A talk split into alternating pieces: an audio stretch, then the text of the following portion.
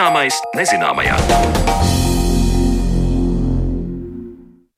Esiet sveicināti! Šis ir redzējums zināmais nezināmajā, un ar jums kopā esmu es Sandra Kropa. Šodien redzējumā mēs pievēršamies augu valstībai. Neaizstājamais ducis. Tā varētu dēvēt elementus, kuri tik ļoti vajadzīgi, lai augs spētu augt. Tam klāt nāk dažreiz neprognozējami un nemaināmi mitruma, sausuma, temperatūras apstākļi. Kā augi spēja augt un uzņemt visas šīs vielas, par to tad šodien runāsim raidījuma otrajā daļā, bet pirms tam iepazīsim kukaiņu ēdāju augus. Šo raidījumu veltām augu barošanās jautājumiem un augsnes faktoriem, kas ietekmē augu dzīvi, bet dažkārt augs izsalkumu daudz labāk remdē nevis ar to, kas ir augsnē, bet gan sagramojot kādu kukaini. Gan Latvijā, gan visā pasaulē ir vairāki simti kukaiņēdāju augu sugu, kas izveidojušas pielāgojumus, lai kukainis atvertu un apēstu.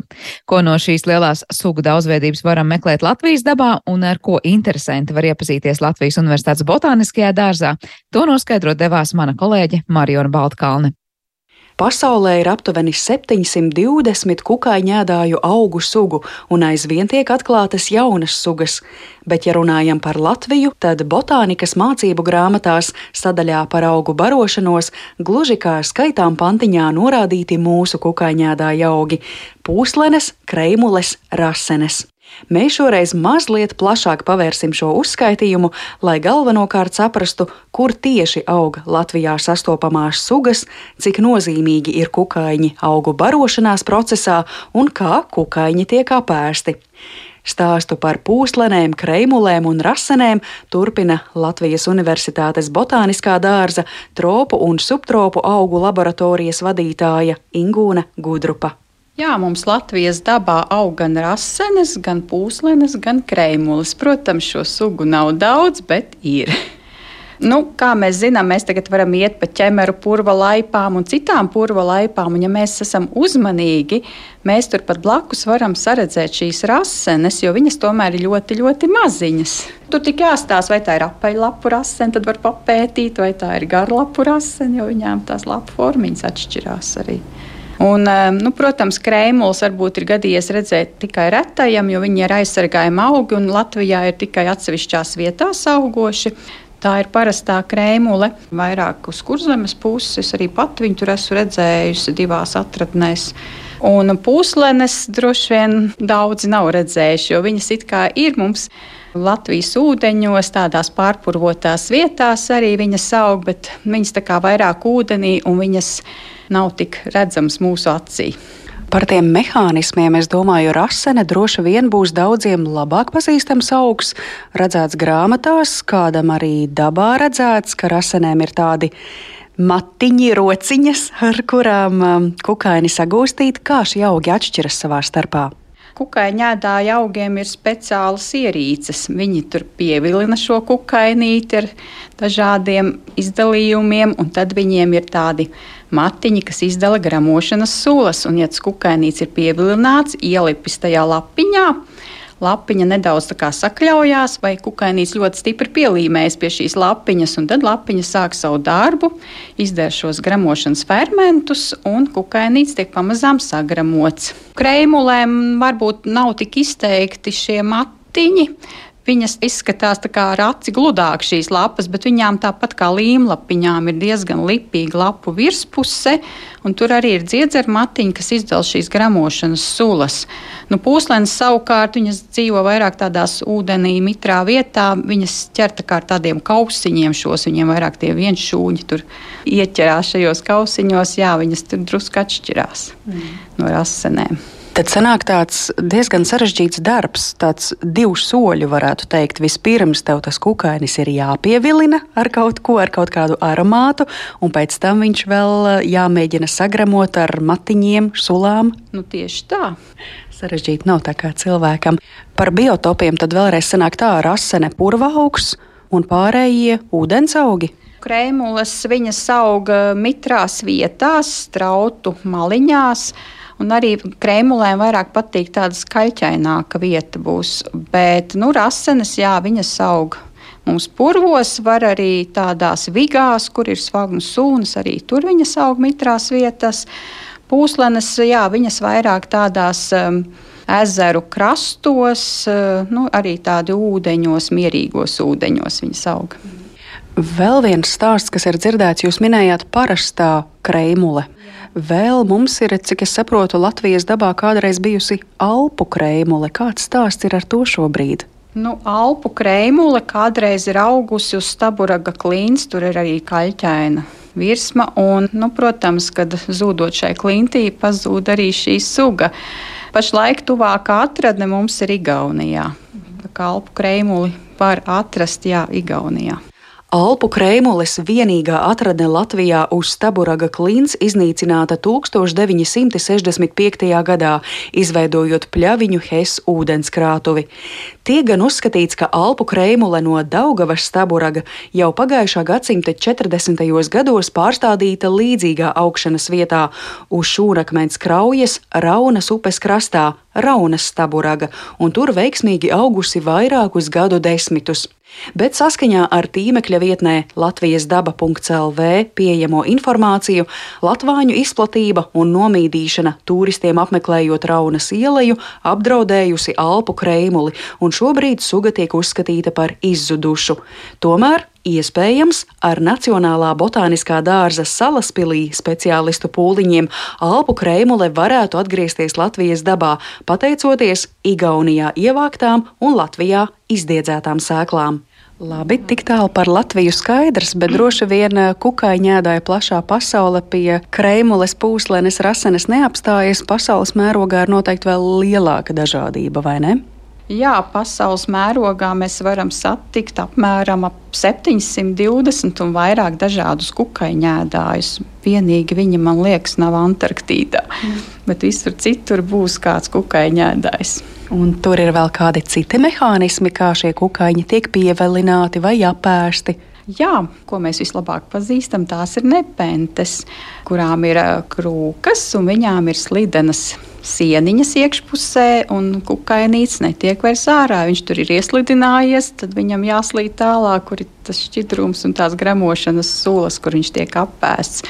Un tad ir arī gadījies lielākās nepenšu kanniņās iemaldīties arī pa kādam grauzējam.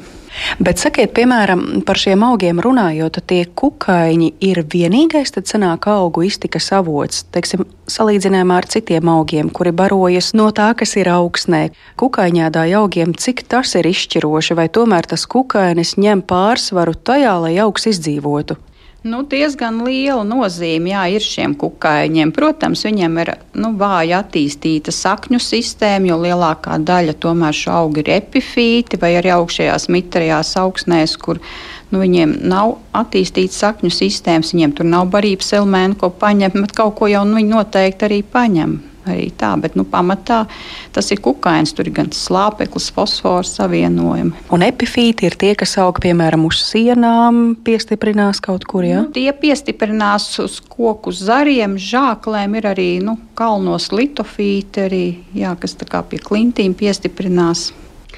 Par Latvijas Universitātes botānisko dārzu, kas ir jūsu krājumā no kukaiņādājiem?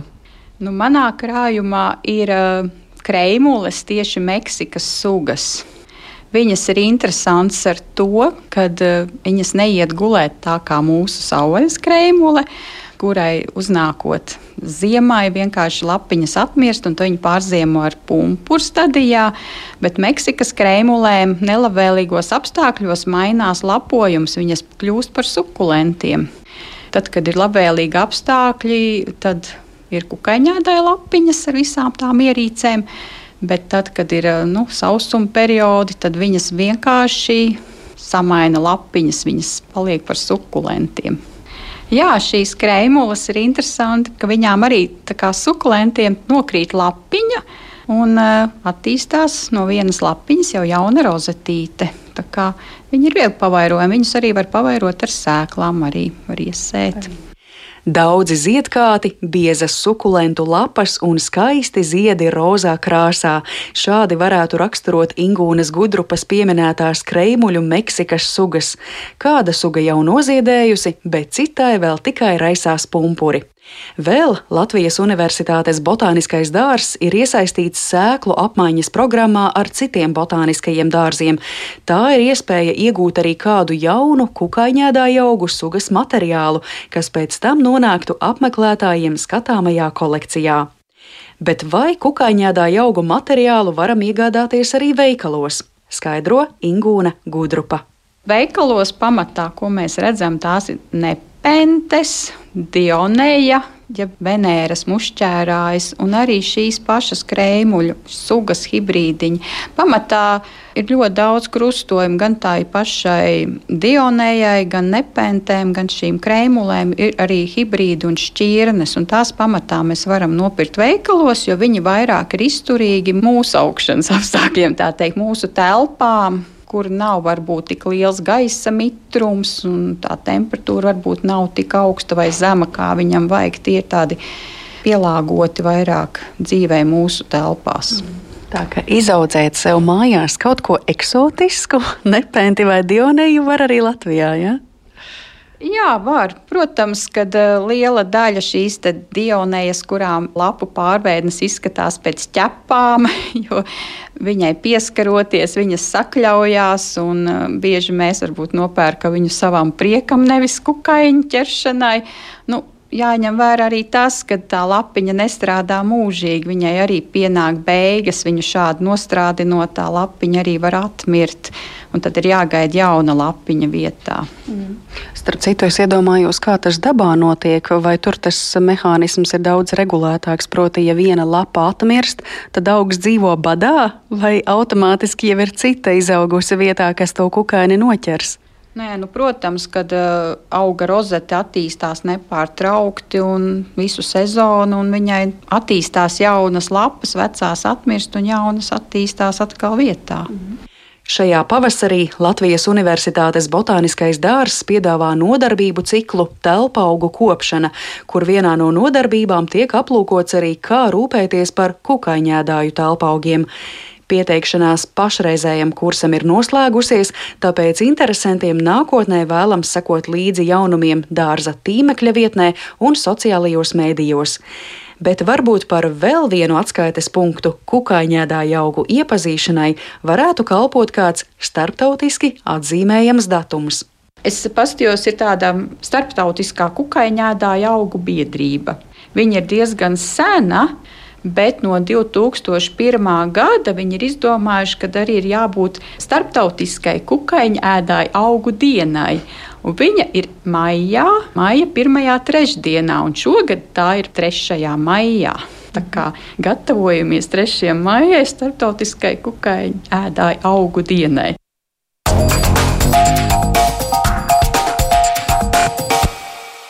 Paldies Marionai Baltkalnē par stāstu, bet raidījuma turpinājumā pievēršamies tam dabas brīnumam, kā no sēkliņas izaug ziedošie, bagātīgie un zaļie augi.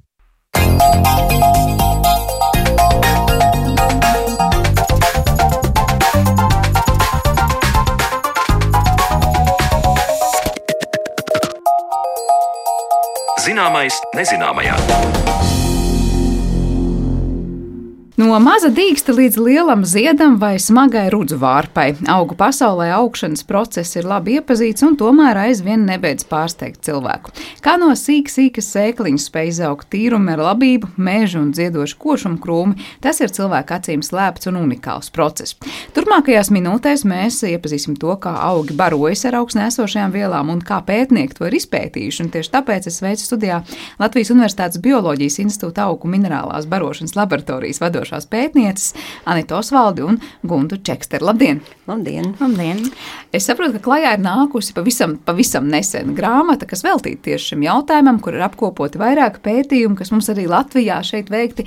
Pirms mēs ielūkojamies gan tajā, kas ir grāmatas lapusēs, var teikt, ka Latvijā ir tādas nu, stabilas tradīcijas pētīt, kā tad augi uzņem vielas no augsnes un apkārtējās vides, un kāds īsti ir tas dīkšanas un augšanas process. Jā, noteikti. Jā, noteikti ir stabils tradīcijas, pētījumi notiek jau sen, un pat varētu teikt, ka mūsu laboratorija ir ir arī tāda krietni sena, jau dibināta apmēram 1946. gadā, pat liekas, jā, kad vēl nebija bioloģijas institūts, bet jau bija šāda laboratorija. Var teikt par to, ar ko barojas augi un kādas minerālās šos vielu attiecības ir starp augiem un, un apkārtējo vidi ir gan ilgi jau uzraudzīts Latvijā. Jā, nenoliedzami. par to, kas ir šajā grāmatā, varbūt ieskicējiet, kas ir tās galvenās lietas, ko esat vēlējušies pateikt, jo es uzreiz saku, jūs tur kā autoru kolektīvs esat esat lielāks. Ja? Jūs esat ne tikai šeit, abas pētnieces šeit eh, studijā, kas pārstāv šo kolektīvu, jūs tur laikam pieci cilvēki. Jā. Par ko ir grāmata?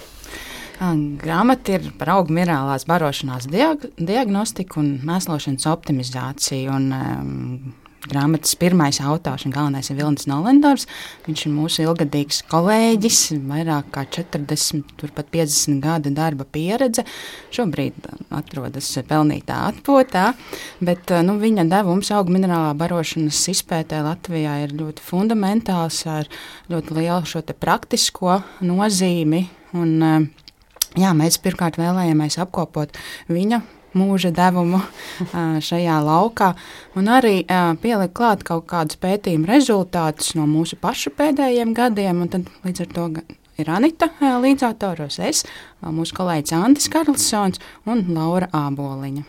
Bet tie galvenie jautājumi, uz kuriem jūs mēģināt atbildēt, ir tādam plašam lasītāju interesantu lokam parādīt, kas tad īsti tajā augstnē notiek un kādas ir tās vielu aprites, vai, jo es domāju, nu cik augu tik ļoti dažādas arī augšanas vidas nu, un apstākļi. Ir vairākas sadaļas, nenoliedzami pats jautājums par augu minerālo barošanos, par izpētes metodēm, nu, par augsnes pH regulāciju, tad ļoti dažādu kultūra augu grupu eh, mēslošanas optimizācija, diagnostika, arī nedaudz tādas praktiskas informācijas, kā šo to pārēķināt, arī tāda diezgan jauka vizuālā nodaļa grāmatas beigās, kad mēs parādām fotografijās, kā tad izskatās kāda elementa trūkums vai varbūt pārbagātība. Tā kā informācijas ir daudz, à, arī par laistām ūdeni, kas pašlaik ir tāds jautājums, par ko, ko interesējas. Kā var laistīt ar cik dažādu ūdeni? Jā, cik dažādi ir ūdeņi, cik viņi ķīmiski ir atšķirīgi un kas ir piemērotāki augu laistīšanai un kas varbūt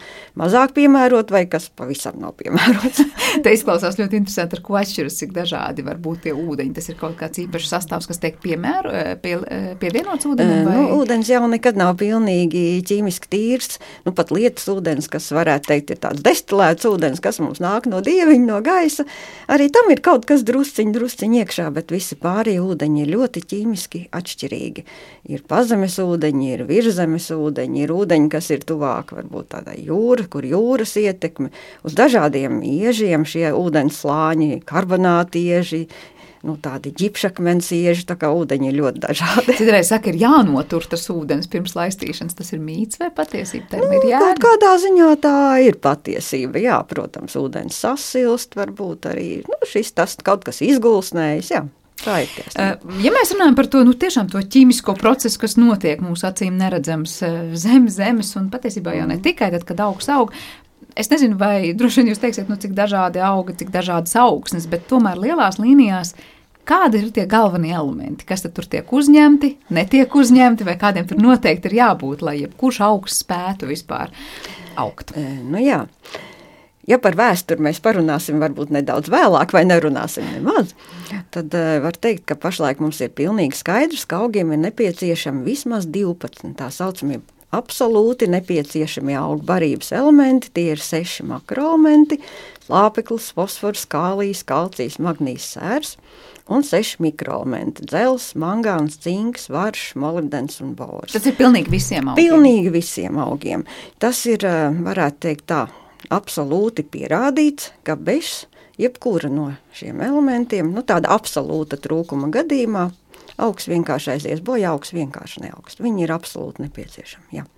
Jo neviens no šiem elementiem nevar aizstāt otru funkciju veikšanā, augā.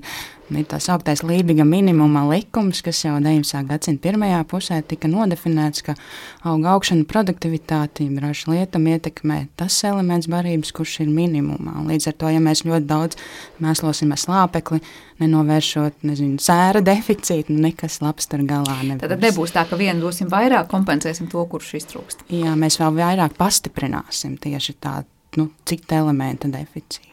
Bet var teikt, tas ir līdzīgi kā cilvēkam ir vajadzīgs tur, mēs zinām, C vitamīns, tad, kad noteikti mēs stiprinam imunitāti, Jā. un D vitamīns un, un daudz kas cits. Uh, tad augiem, var teikt, ir tāds 12 elementu kopums, Jā. bez kura nu, tas, tā veselība nav iespējama. Noteikti nē. Jo mēs jau arī saprotam, ka ja mums trūks D vitamīna, nu cilvēkam, nu mēs varam dzert to C vitamīnu, cik gribam, un D vitamīns no tā neradīsies. Bet augam liekas, nu, augsts tur kaut kur aug, kaut ko uzņem. Nu, kaut kā jau tiek pie tiem elementiem apkārt, jau droši vien augstnē un gaisā un daudz kur citur visa kā ir. Kā īsti ir, cik tad bagātīgas jau ir tās augsnes, lai šīs vielas būtu tur augiem pieejamas, vai tās ir vienmēr jādod no malas? E, te nu mēs varētu izšķirt varbūt tādas divas lietas. Nu, sauvaļas augi vai arī augi, kur mums ir pilnīgi vienalga, kā viņi aug. Nu, kaut kā aug, labi, neaug arī labi, stādām citus. Pavisam cits jautājums ir tad, ja mums, mēs gribam iegūt skaistu mauriņu, eh, skaistus dekoratīvus augus, labu augļu dārzeņu ražu.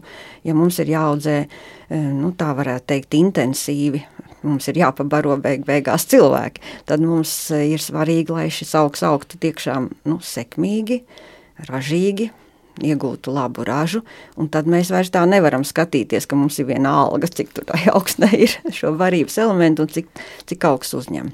Bet no tiem 12 nosauktajiem, nu, kaut kādās proporcijās mēs varam teikt, visās augsnēs tie ir klātesoši? Jā, nenoliedzam visās augsnēs. Neatkarīgi no tā, vai tur mālainas, smilšainas, vai auglīgas un mazāk auglīgas. Nē, nu, tas, protams, ir, tas ir jautājums par to, cik tur ir iekšā, kādas koncentrācijas. Bet lai, tas jau tā, lai noteiktu, faktiski, lai apstiprinātu šo mikroelementu nozīmību, to varēja izdarīt tikai faktiski nu, 19. gadsimta beigas, 20. gadsimta sākums, kad varēja iegūt tik nu, tādas attīrīšanas iespējas, ka varēja to pierādīt. Jo nelielās daudzumos šie mikroelementi ir gan augsnē, gan ūdenī, un tāda absolūta nepieciešamība varēja pierādīt tikai absolūti tīros apstākļos. Un vēl jau arī tas, ka ir ļoti dažādi augi. Ir skābi vidu mīloši augi vai vājāk skābi, vai kuriem atkal tāda neitrālāka augsnes reakcija ir nepieciešama. Tas arī ietekmē elementu uzņemšanu un arī auga augšanu un arī izturību. Piemēram, skābi vidu mīlošās krūmelens būs jūtīgs uz mangānu un pārbagātību, bet, piemēram, citiem augiem tas absolūti nekaidēs. Un varbūt arī tas sauktais nu, relatīvais elementu deficīts augam, ka augsnē šis elements ir ir nu, pietiekošā daudzumā, bet viņš ir tādos savienojumos un formās, kas augam nav uzņemams. Es to gribēju precizēt, ko bieži eksperti saka, tas ir nepieejamā formā pašam augam. Ko tas īsti nozīmē un kāpēc tā forma var būt tāda, ka augs, tad es nezinu, ar saknēm vai kā citādi nespēja vienkārši tikt pie tā vajadzīgā. Es nezinu, nenotiek kāda reakcija vai kas tur ir pie manis. Nu, teiksim tā, ka augs barības elements tomēr uzņem jonu veidā. Un jāsaka, ka tādi nu, absolūti nešķīstoši savienojumi no augam arī nebūs pieejami. E, nu, vēl arī jautājums ir tāds, ka, mm, ja ir ļoti sausa augsne, ja ir sausums, mums nav šī ūdens augsnē, un arī nebūs elementi pieejami. Tad augstnē viņi var būt, bet eh, augam nepieejami. Jā, viņi nebūs pieejami. Un arī, protams, temperatūras ietekme. Varbūt tādā vēsā laikā arī daudz barības elementu, nu šī šķīdība ir zemāka un arī viņi nebūs augam pieejami, kaut arī augstnē principā viņi ir. Jūs teicāt, varbūt ir pārbagātība, kā ar to pārdozēšanu, nezinu, kāda elementa vai augam kaut ko ļoti sliktu dara tas, ja kāds no šiem 12 elementiem ir par daudz augam sliktu dara jebkurš no 12 elementiem, kurš ir par daudz. Tas jau nenoliedzami. Kas par daudz, tas par skādi. Ja? Tas jau tāpat kā ar cilvēku, lai cik garšīgas būtu ekleru kūciņas, nu, simts viņas nevajadzētu apēst droši vien mums nevienam. Nu, līdz ar to tāda ļoti liela pārbagātība, ja viņa arī nav toksiska augam pašam, tad viņa noteikti ietekmēs citu elementu uzņemšanu. Viņa traucēs kāda cita elementa ieslēgšanos vielmaiņā vai vispār uzņemšanu, vai nonākšanu līdz tai auga daļai, kur šis elements ir visvairāk nepieciešams, piemēram, kādā auglī vai nu tā. Cik sarežģīta ir tā auga vielmaiņa, ja tā var teikt? Jūs tikko teicāt, ka kaut kas nonāk, nenonāk tur, kur vajag. Tur liekas, vesela ķīmijas laboratorija. Tas ir tomēr sarežģīts process. Manuprāt, arī, arī pētīt ir sarežģītāk nekā dzīvus organismus. Uh, bet uh, kopumā ir daudz kas arī atklāts jau šobrīd. Ir tās vispārīgās likumsakarības, kā, protams, Anita arī pieminēja par nu, elementu antagonismu, ka var nobremzēt kādu tālāku uzņemšanu un tā tālāk. Uh, Nu, katrā ziņā es nezinu, kurš tur regulē to līdzsvaru, ja, kam ir jābūt ne par daudz, ne par maz. Pats augsts var regulēt to līdzsvaru. Varbūt mēs dažkārt cilvēki zinām, ka mēs paši jūtam to vajag, nevajag mums ēst, gribam, negribam. Nu, tad, ja negribam, varbūt nevajag. Kā ir ar nu, augiem? Zināmā mērā noteikti var regulēt. Un arī mēs varam tā teikt, ja ir deficīts. Zināmā mērā augsts ar sakņu izdalījumiem nu, var veicināt kāda varības elementā tādu, nu, varbūt tādu šķīstošāku formu un tam līdzīgi, bet, nu, protams, ka audzējot augus mums būtu jācenšas nodrošināt nu, tādu pietiekamības diapazonu, kas varbūt, varbūt arī diezgan plašs, bet tomēr nu, tādās galējībās, kā, kārtīgā deficītā vai toksiskuma līmenī, nu, tomēr vajadzētu censties nenonākt. Jūs minējāt šos sešus makro un sešus mm. mikroelementus. Es nezinu, cik ļoti sīki un smalki to var šobrīd izstāstīt, bet lielās līnijās, nu, kāpēc, kurš no elementiem ir vajadzīgs augam? Nu, jūs pieminējāt, viens, piemēram, augšanai, cits kaut kādai ražībai, droši vien, vai es nezinu, saldākiem augļiem. Vai var tā iedalīt kaut kādas pamatkategorijas? Jā, nu, nenoliedzami. Katram elementam ir sava būtiska funkcija, un tieši tāpēc tas ir augam absolūti nepieciešams, ka viņš vai nu veido kādu, nu, kādu savienojumu augā, vai, vai nu attiecīgi kādas funkcijas realizēšanai. Nu, protams, ka Tur daudz kas ir saistīts, bet nu, nenoliedzami mums lāpeklis vajadzīgs vitālai augšanai. Ja mēs runājam par kāliju, tad tas ir vienīgais elements, kas nav tādās varbūt savienojumos ietilpstošs, bet viņš regulē. Tas regulē uh, noteikti šo visu ūdens apmaiņu, sausumu izturību, e, veicina augļu garšas, tādas labas īpašības. Jā, mums kalcijas nepieciešams šūnu sieniņām, lai tās būtu stipras. Magnīs tieši ietilps chlorofila sastāvā, tātad fotosintēze.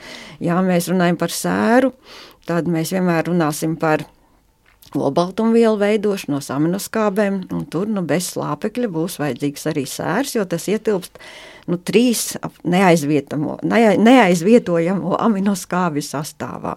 Nu, tāpat mikroelementi ir eh, nepieciešami gan oksrēda reakcijām, gan dažādu fermentu darbībai. Bors arī šūnu sieniņām arī absolūti nepieciešams, lai notiktu ziedu veidošanās un pēc tam aizmešanās. Nu, tās funkcijas ir ļoti, Mums ļoti dažādas. No malas var likties, ka augstā pats par sevi vienkārši uzzied, nozied, ja, bet patiesībā nav bors, nebūs ziedu. Ja. Lielā mērā nebūs ražas. Ja. Gunte, vai būs kas piebilstams vēl par kādu no elementiem, vai kāds interesants piemērs, kurā mēs varam ieraudzīt to, nu, cik ļoti tā, tā vitamīnu buķete tiešām ir nepieciešama augiem. Nu, tad, kad augam parādās kaut kādas arī problēmas vizuāli, tas nozīmē, ka viņam jau ir ļoti izteikts deficīts elementa, kādam, nezinu, samazinājums vairāk kā 30% no vēlamā, un tas ir tāds viņam jau sos signāls. Tad, kad viņam sāk parādīties kaut kādas chlorozes, nu visbiežāk atkrāsošanās, nu, piemēram, starpdzīsli tāds gaišāki laukumi, zaļi, gaiši zaļāki vai vai kaut kādi raibumiņi, dzeltenīgāki vai dzeltēšana. Nu, var būt gan viens elements pazemināts, gan varbūt vairāki, jo tās pazīmes var arī pārklāties, piemēram, slāpeklim vai sēram. Nu, atkarīgs arī cik izteikti. Un tad, protams, vislabāk ir, kad tiek veikts šīs te, nu, ķīmiskās analīzes, kas, kas pasaka, kas ir konkrēti par problēmu. Un arī pārbagātības gadījumā var nu, novērot, piemēram, šūnu atmiršanu, audu nekrožu veidošanos. Un um, šajā gadījumā jā, tā, tad, tad elements jau ir ļoti, ļoti lielās koncentrācijās. Bet man jāsaka, tā, ka Latvijā dabā es varu tā nomierināt, ka tāda liela elementu pārbagātība savvaļas augiem nav raksturīga, ka viņi tagad nu, atmirs. Jā. Augi ir diezgan izturīgi un viņi spēj pielāgoties īpaši arī nu, mikroelementi tauta arī sauktu par smagajiem metāliem, kā dzelzs, vars, cinks. Viņi nu, diezgan laba tā adaptācija ir. Bet nu, izteiktāk, jā, varbūt šie deficīta gadījumi, kad, bet viņi teiksim, ir arī tā labā ziņa, ka, ja veic šo papildu mēslošanu, var samazināt tātad, un novērst šos te, hmm, bojājumus, ja viņi pat nav vēl izteikti bojājumi, bet tikai kā chloroze, atkrāsošanās.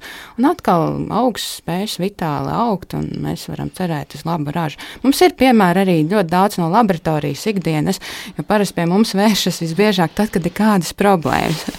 kad kaut kas neaug. Un, protams, es tieši gribēju vaicāt, vai nav tā, ka ekspertam varbūt paskatoties uz tādām lapām, uh, uzreiz būs skaidrs, nu, tur ir piemaiņas, vai nu kāds vitamīns ir par maz vai par daudz. Savukārt, varbūt nu, tāds nezinātājs vai iesācējs mazdārziņā pateiks, tur kāds kaitēklis vai slimība ir uzglūdējis. Teiksim tā, nesajaukt. Nu, ja mēs tā pievēršamies tādām jau diagnostikas metodēm, tad, protams, pirmā ir vizuālā diagnostika un e, tādu nu, ļoti klasisku, ļoti izteiktu vizuālo pazīmi, tādu attīstību. Tur jau nu, jāveic ir pilnīgi speciāls eksperiments. Mm, kad ir jāaudzē augi ar pieaugušu šo deficītu vai pārbagātības tādu koncentrāciju, tad mēs klasiski redzam.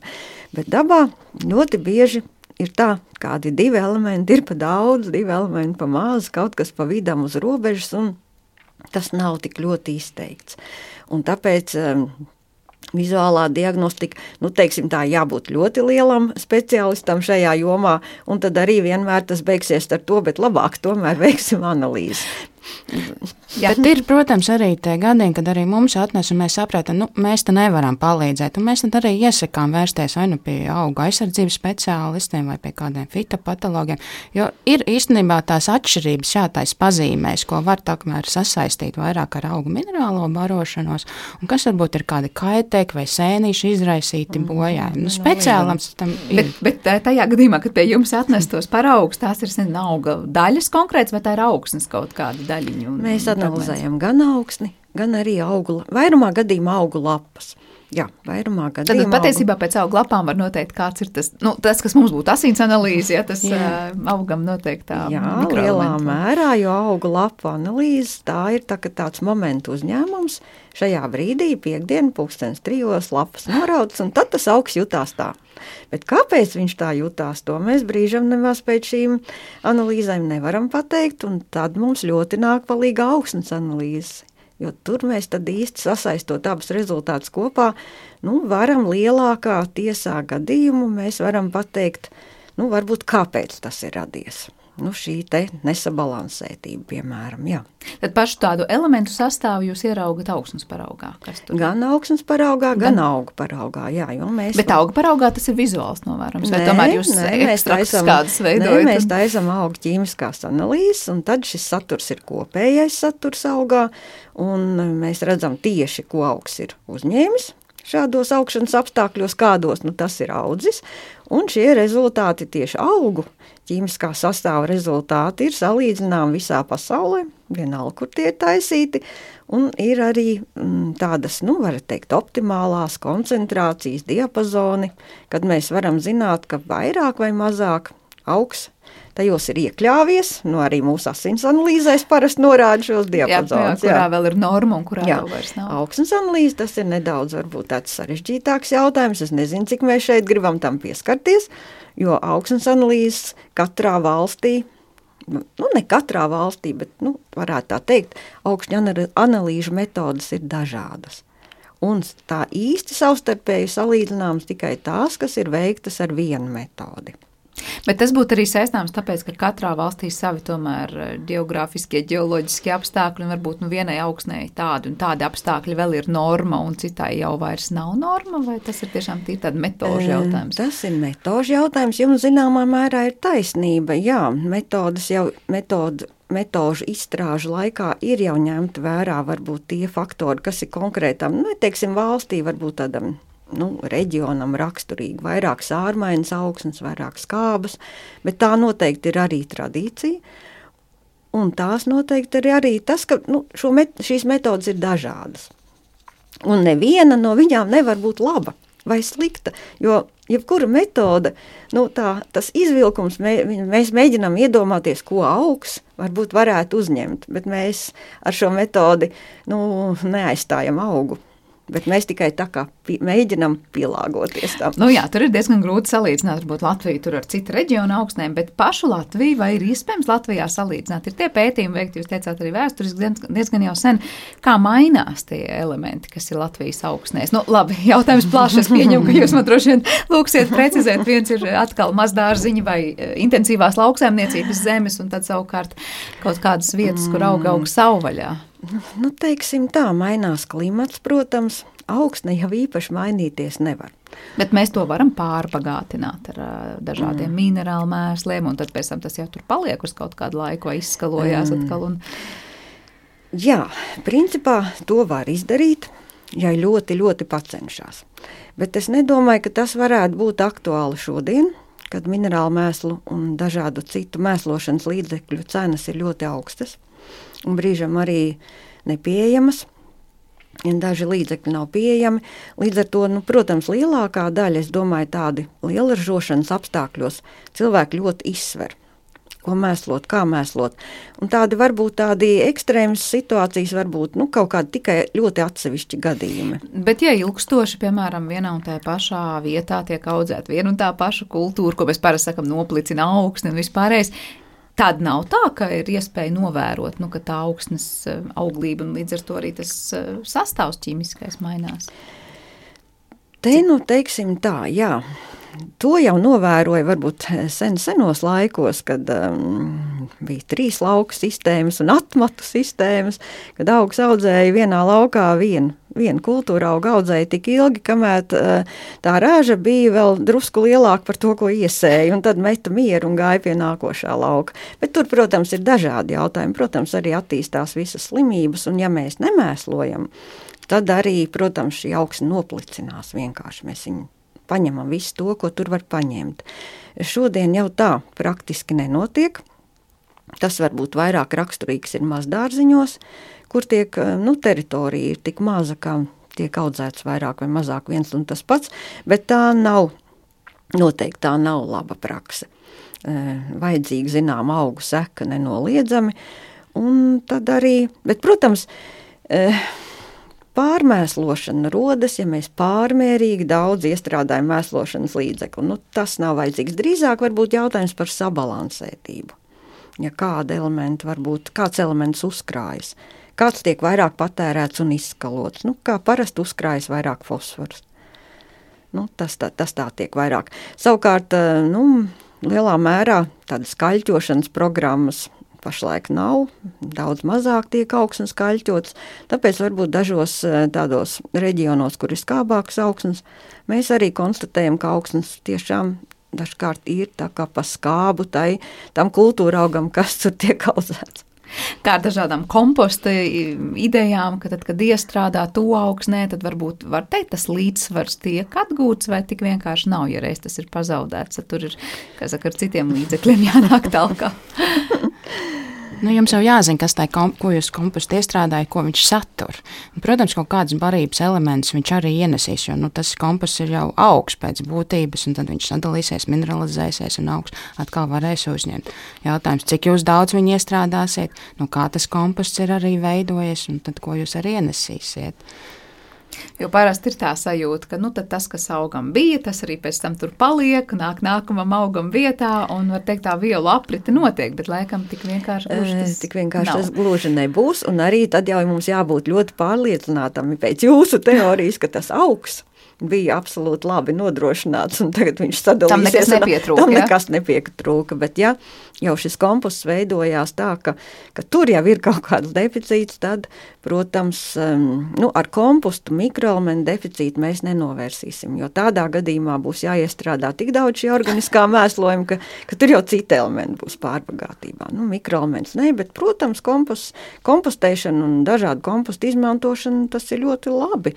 Protams, organiskā organiskās vielas saturs augsnē paaugstinās, komposts lēnām dalās, barības elementi atbrīvojas, bet nu, tāda parasta kompostu rezult, nu, tāda varbūt negatīvā īpašība ir nezāļainības paaugstināšanās, sevišķi, ja tas komposts nav izturēts, nav nav zinām temperatūra ievērot, ka tur daļai tās nezāļu sēklas aiziet bojā. Cik ilgi vispār augsnē, tā var teikt, nu, dažādas vielas uzturs? Jūs teicāt, kaut kas tiek izskalots, kaut ko augsts uzņem, vai mēs varam runāt, nu, ja tur, piemēram, kāds šogad ir nomērījis, kas tad īsti ir tajā augsnē. Cilvēks var būt drošs, ka pēc gada un diviem tur joprojām ir tās vielas, vai gan arī katru gadu jātais tādas kā asins analīzes cilvēkam, tā, tā augsnes analīzes, es nezinu, dārziņa īpašniekam.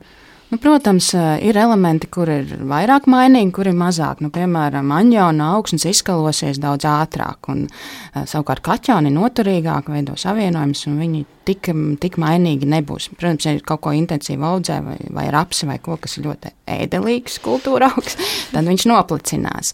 Bet, piemēram, ja mēs, mēs arī rekomendējam, arī nu, nelietojiet slāpekļu mēslojumu, bet gaidām to viņa intensīvu nokrišanu vai rudenī, nu, nu, viņš veido anjānu formu un izskalojas. Tāpat arī sēru saturošie minerālu mēsli, kas ir viegli šķīstošanas ērs, ātri izkalosies, vai arī, nu, aug, ja viņš būs izšķīdis.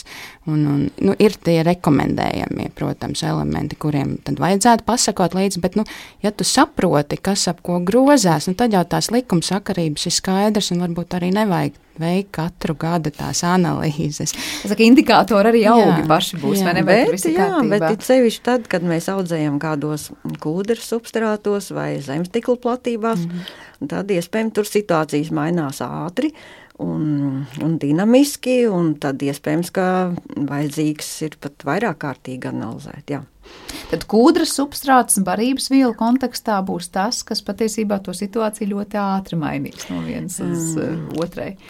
Teiksim tā, tur tā audzēšana kā parasti notiek ļoti intensīvi. Mēs audzējam augus, kas, um, ja mēs sevišķi zemstiklas platībās, sektajās platībās, augus, kas nu, tiešām producē lielu ražu, lielu biomasu, un arī ierobežotā tilpumā. Nav, tas nav vesels tāds milzu lauks, un tad, protams, barības elementi ir jānodrošina dažādu šķīdumu vai papildu mēslošanu veidā, nu, vairāk kārtīgi. Vai gan iz, ja, nu, tas ir jautājums, ka tad mēs intensīvi ražojam, un tad arī, protams, ir jāsako vairāk. Tad tur vairāk tas augs, kas tiek audzēts, ir tas, kas ļoti jā, intensīvi paņem jā, tos elementus. Jā, noteikti, jā. Cik ļoti dažādos veidos vispār augi var paņemt tos elementus, jo mēs te visu laiku runājam par to, kas ir augsnē, nu tad ar saknēm. Es saprotu, ka ir atsevišķi, kur savukārt no gaisa arī var piesaistīt sev vēlamos elementus.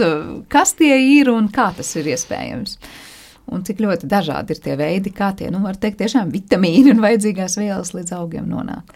Jā, nu, protams, ka e, augs var uzņemt e, arī ar lapām, nenoliedzami.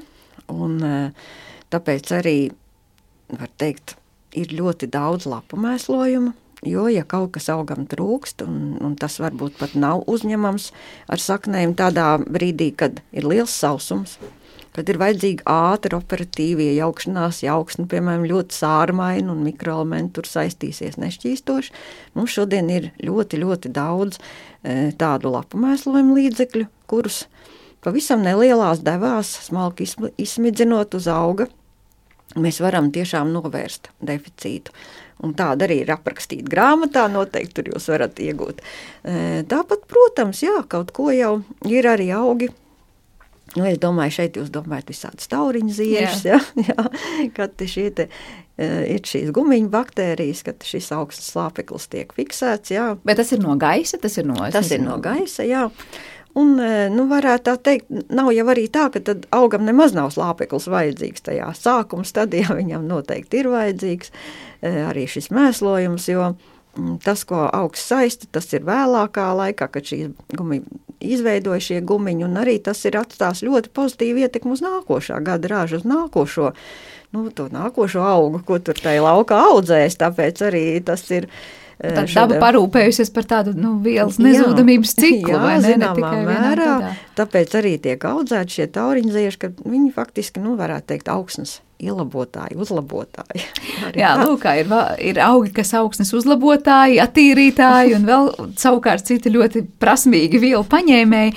Augu pasaule tiešām ir ļoti, ļoti daudzveidīga, un es saprotu, ka šajā grāmatā tiešām gan interesantiem, gan jau speciālistiem ir atrodams katram sev vajadzīgā informācija vajadzīgajā devā. Paldies jums uh, par šo, nu, laikam jāsaka, nelielo ieskatu, bet tomēr pietiekoši apjomīgo ieskatu tajā, cik sarežģīti ir šo vielu ķīmija augsnē un arī augos. Atgādinu, ka šajā raidījuma pusstundā mēs bijām kopā ar Latvijas Universitātes Bioloģijas institūta augu minerālās barošanās laboratorijas vadošajām pētniecēm Guntu Čeksteri un Anitu Osvaldu. Anita arī tātad šīs te laboratorijas vadītāji. Ar to raidījums ir izskanējis un par to parūpējās producenta Paula Gulbinska, Reinis Būts bija skaņu režijā, Girds Bišs bija mūzikas redaktors šai stundai un es Sandra Kropa biju studijā. Mēs tiekamies jau atkal rīt šajā pašā laikā. Visu labu!